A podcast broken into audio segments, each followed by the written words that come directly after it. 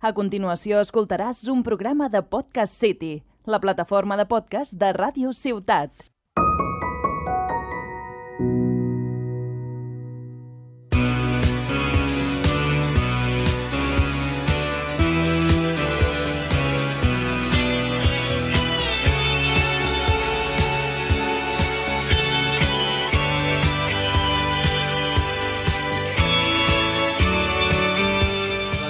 Benvinguts al tercer episodi del podcast Parlem del Nàstic. Avui parlarem del partit davant el Centre d'Esport Sabadell i farem la prèvia pel pròxim partit davant el Club Deportivo Castellón.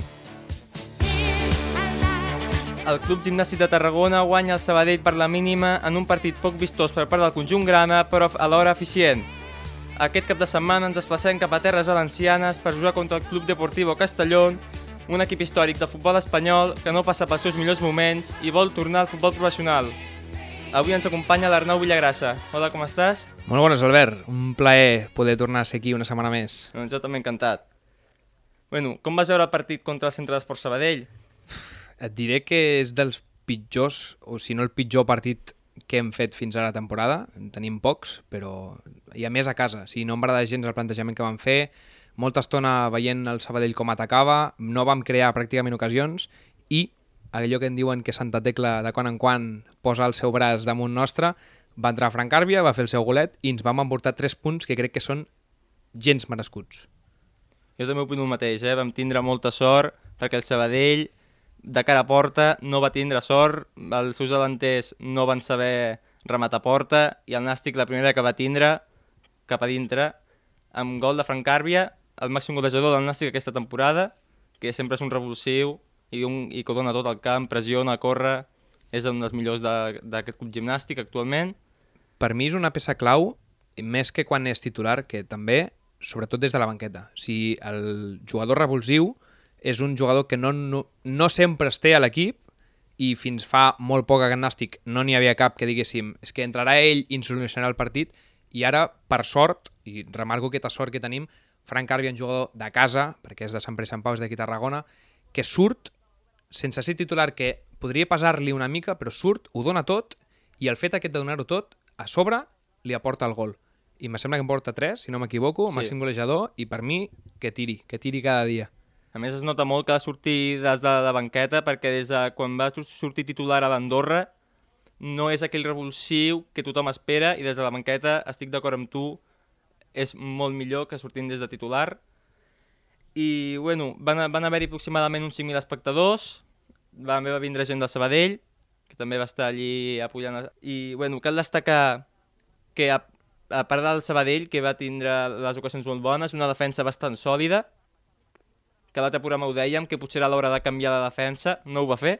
No, va mantenir el bloc. Va mantenir el bloc Aitami, Quintanilla, Joan Oriol i Pol Domingo el va mantenir igual. Funciona, funciona, la veritat és que sí, sí amb aquest aspecte cap queixa, Trilla seguim sense veure'l. Eh, a veure, punts positius. Si el bloc es manté i segueix sense encaixar, eh, escolta'm, que vagi tirant milles. Punts negatius. Tinc la por aquesta de que més que assegurar el bloc, el que faci sigui assentar-se. Ho vaig comentar també el, el programa anterior, al partit d'Andorra, tinc por de que ens assentem i ens confiem. Que espero equivocar-me, perquè amb aquesta defensa crec que podrem arribar molt lluny.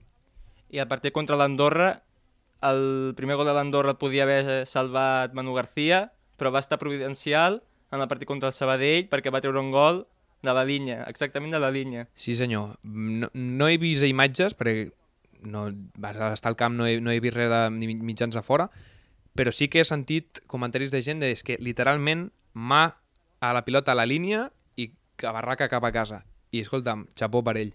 Sí, sí, jo vaig veure imatges després del partit i definitivament la treu a la línia, eh? vull dir, un centímetre més i la pilota està dintre ja. Tenim Molt bé per ell. nou Sant a Tarragona, Sant Manuel. Sí.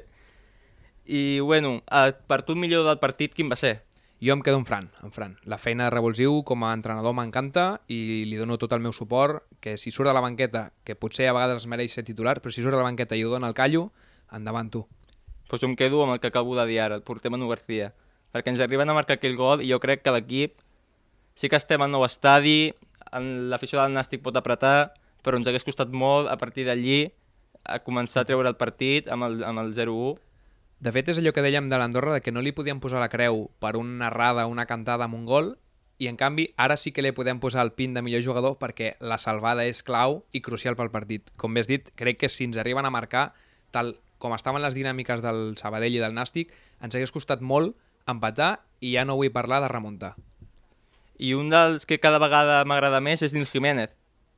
No va jugar com a lateral, va jugar com a interior, però va ser un, un dels millors de la primera part. Va intentar desequilibri, xutar, passar, córrer... A mi m'agrada molt l'Àlex de l'Espanyol B. És un noi molt jove i té una frescura que potser no té altre tipus de jugador i crec que intercalant-se amb Joan Oriol, Bonilla, per la zona de la banda, eh, un que entra més cap dins, l'altre el doble per fora, estic molt content, molt content amb el rendiment.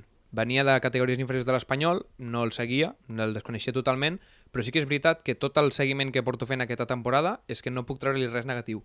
Tot és positiu, e inclús amb els pocs minuts que compta, però un paio que tira endavant, no se li crema la pilota als peus, fot morro i sempre busca porteria, i escolta, és una cosa que s'agraeix, s'agraeix molt. I Pedro Martí Nadal, esperem molt d'ell, però encara no, ha, encara no arranca, li costa molt, no... A veure si traiem a Pedro Martín explosiu, com, com estava com el Lleida, aquell que marcava gols, ho rematava tot, perquè no l'estem veient. Mira, és, és un jugador que em sap greu per ell, perquè realment amb la mà al cor vull que marqui gols, però destaco molt d'ell la feina que fa sense pilota. I remarco més que tota la temporada passada es va estar menjant una posició a banda que no li pertocava per les seves característiques i pel tipus de jugador que és, i trobo com que haver passat tanta estona a la banda és com que ara ha de readaptar-se al seu lloc natural, cosa una mica estranya. Però insisteixo, fa molta feina sense pilota, a més, el tipus de jugador que té pel, pel cos i l'envergadura m'agrada molt. Treballa moltíssim i ara només falta aquesta recompensa del gol i ni que siguis pitjant la pilota cap a dins. Bueno, també cal dir que la temporada passada l'entrenador Toni Salagrat ens va fer somiar molt, però tampoc és que massa defensiu, eh? Se li empat, que se li diu, eh? Feia, feia uns invents que potser no era... No era el més, el més adequat, la veritat. Exactament. Que Pedro Martín a banda ningú ho entenia. La veritat és que no. O sigui, pa passen els dies, mesos i setmanes i és que no li veig... Ni... No és que no tingui sentit, és que no veig amb quin criteri o què busques fent aquest canvi de jugador Mm, sí, no perquè sigui Oliva o que sigui una altra persona al davanter, sinó el fet de malgastar Pedro escurat a banda. Això ningú entenia. I el que a la davantera no acaba d'arrencar tampoc és Pablo Fernández. És un jugador que et baixa molt bé les pilotes, com bé diem en altres episodis i programes, però tampoc el veiem a dintre l'àrea un rematador, que tampoc ho, és, ho, ha, ho ha sigut mai, un rematador, però li falta aquell punch, per dir manera. A Pablo em passa una mica... Dif... Sí, semblant amb Pedro en l'aspecte de físic, però el trobo que hauria de ser molt més rematador, almenys quan, quan se l'espera al camp, hauria de ser molt més rematador, però trobo que amb ell peca de no adaptar-se. I m'explico. És un noi jove, nou aquí Can Nàstic, i és com si fos l'únic jugador que no vesteix la samarreta del Nàstic encara. És a dir, que li falten X partits per acabar de trobar-se còmode amb tota la gent del seu voltant, amb l'estadi, amb l'afició, i trobo que aquest punt que li, que li, de mancança que li queda és com si no trobés la tecla o el moment de fer el pas endavant i destacar, que espero que sigui aviat. Clar, també és, és a dir que Pablo Fernández venia del Cornellà, gespa artificial, no és el mateix gespa artificial i gespa natural, al fin, les mides tampoc són les mateixes, eh, i aquí hi ha un procés d'adaptació que ha de, ha de costar, i un també dels que cada vegada m'agrada més és Robert Simón. Una altra assistència, mm, és un dels millors de l'equip, per no dir millor actualment. És un, un jugador extrem pur que m'agrada molt la seva feina de ganivet. I ho dic així tal qual perquè trobo que on més destaca i on més dona fruit la seva feina és de tres quarts endavant, tirar diagonals, tirar camp profund, arribar a línia de fons i buscar la centrada. I no sé si... La primera segur que no és, però no sé si em porta dues o tres d'aquestes assistències a boca de gol, que la veritat és que és una feina dura, perquè la, la feina a l'extrem d'anar tota l'estona a buscar camp rival i en profunditat desgasta molt, però és un paio que no té un recanvi, o sigui, s'ha guanyat el seu lloc i d'allí no el mou ningú, i trobo que, a més a més, ho aprofita molt. I està donant molts fruits i m'encanta. El recanvi hauria de ser Pol Ballesteros, però està lesionat per un mes, Lesionat. Per tant, això fa que ara, fins d'aquí un mes, suposo que jugarà el titular si no té ninguna lesió ni res. Mm, sí, sí. Mm, estava pensant ara quan has dit Pol Ballesteros en Pol Prats, que també va jugar poca estona l'últim dia, No sé si potser és la seva posició més marcada, però algun recanvi per donar-li descans potser podríem buscar i en algun partit que potser estem empatats 0-0 perquè, perquè desencalli el partit una mica i perquè pugui córrer per banda també pot funcionar. Allò bo que, que funciona Pedro del Campo al mig del camp. Exactament, exactament. Que jo crec que juntament amb Robert Simón, Pedro del Campo i Manu García tres titulars indiscutibles ara mateix són aquests per mi. A, a més són tres jugadors que venen de fora i que, a diferència del Pablo, s'han adaptat al primer minut. O sigui, són gent que des del primer minut ja està assentada, es troba còmoda i a més se'ls nota molt. I per això remarco que vull que Pablo tregui aquest punt de poder adaptar-se i estar còmode i que això li comporti fruits com poden ser els gols. I a més, Pedro Campo ve de l'Udot i l'Udot, tot i que va baixar l'any passat, jugava un joc molt bonic de veure i, i, i ve sempre Pedro del Campo allí, que sempre tenia la pilota i com m'he com dit ara, tenia un joc molt bonic de veure i que aquell nàstic jo ja sabia quan el van fitxar, vaig dir, bon fitxatge, ningú, quasi ningú el coneix perquè ve d'Olot, però vaig dir, m'encanta. I a més a més, en aquestes categories és molt difícil fer un joc bonic com aquest, perquè es pressuposa, i tots coneixem la categoria, són partits de 0-0, partits tancats, partits desbroncades i de cops, que la categoria ja una mica ho demana, però trobar aquest punt de poder fer aquest joc i Pedro és que aguanta la pilota, pot venir qui sigui davant, que molt poques vegades la perd. Sí, es troba molt còmode amb la pilota als peus i no té cap tipus de por d'arrossegar-la, d'emportar-la i de donar joc. L'únic que li trobo una pega és que ha de finalitzar més ràpid. A vegades vol tindre massa la pilota.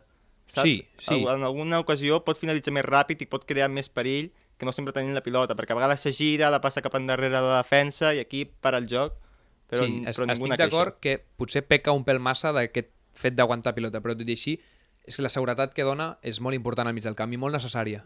I un partit més, Pol Domingo, Pol Domingo titular, indiscutible, amarrat, digue-li el que vulguis. Aquest xiquet és que de tot, tot el que pugui dir serà meravelles. És, és, és un noi que fora de la seva posició natural rendeix com si portés tota la seva vida jugant-hi. A més és de la província d'aquí Tarragona, de Pol del Montornès. De casa, també. Vull dir, també és de casa.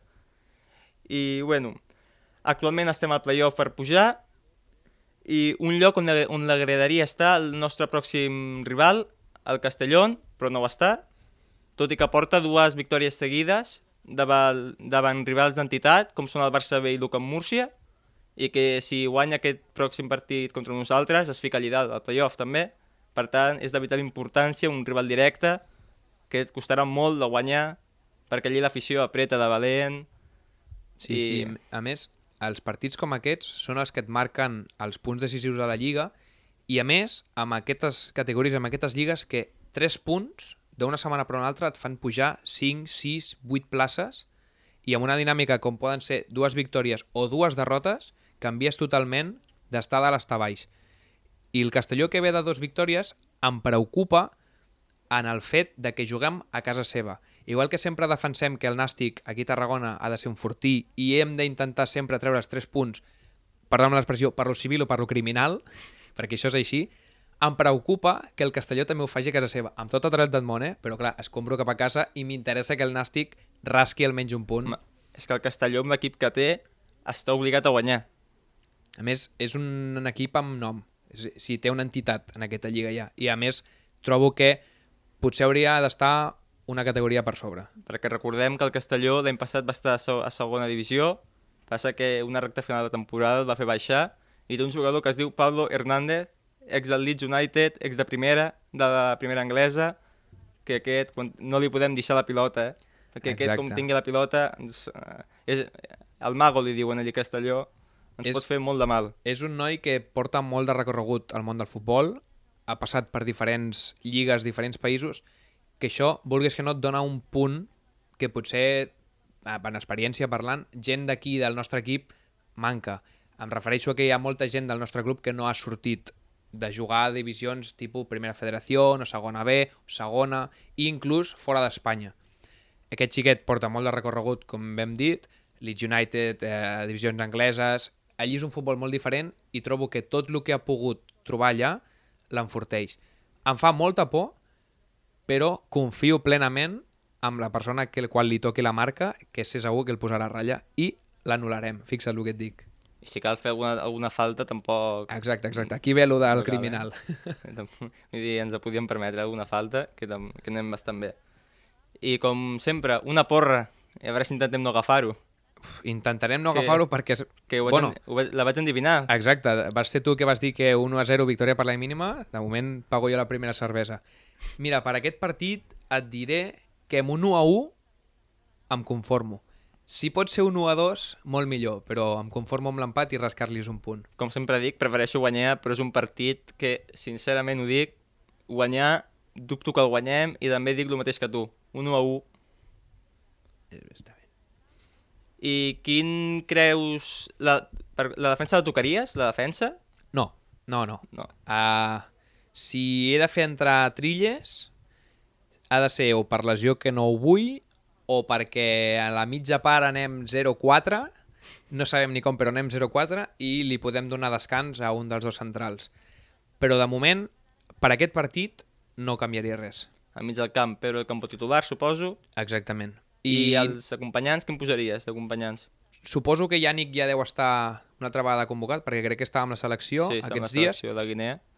com que ja ha jugat, prefereixo que estigui una mica més cansat i que jugui titular perquè porta més ritme de partit i Fullana me'l deixo a la banqueta aquesta vegada. a la banqueta. I a dalt, A dalt li dono el regal a Fran perquè vull que mossegui els primers 45 minuts a camp rival i que l'acompanyi li donaria també a Pedro. Vull I- un Pedro Fran de titulars. Edgar Hernández també està, no? Edgar Hernández ja ha convocat o encara perquè sortia d'aquesta lesió i encara Nàstic no s'ha pronunciat al respecte? Mira, si et soc sincer, no ho sé, però crec que van dir que seria o que era un esguins dels lligaments del genoll i crec que, si no m'equivoco, almenys és un mes. Això parlo totalment de desconeixença. Crec que no estarà. Si és, el deixaria a la banqueta. Bueno, doncs jo també faria més o menys mateixa alineació, eh? I doncs fins aquí estaria. Gràcies per escoltar-nos, aquí parlem del Nàstic.